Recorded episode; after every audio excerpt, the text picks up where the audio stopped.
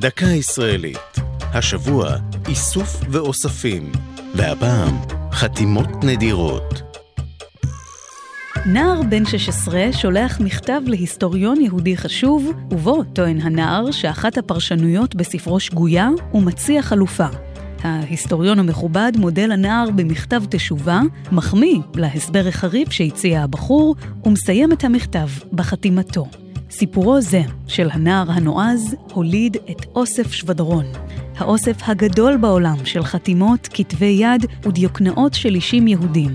הנער הוא הדוקטור אברהם שבדרון, מוזיקאי, קימאי ופילוסוף שנולד בגליציה בסוף המאה שעברה. הוא החל במלאכת האיסוף כנער ולא הרפה ממנה עד יומו האחרון.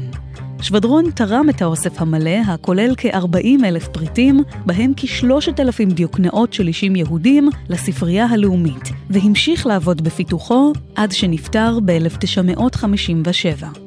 כיום אפשר למצוא באוסף דיוקנאות, כתבי יד וחתימות של אבות הציונות ושל אנשי רוח ותרבות יהודים, כמו יוסף קארו וקרל מרקס, משה מנדלסון ונפתלי הרץ אימבר, בנימין זאב הרצל ורחל המשוררת, ורבים אחרים.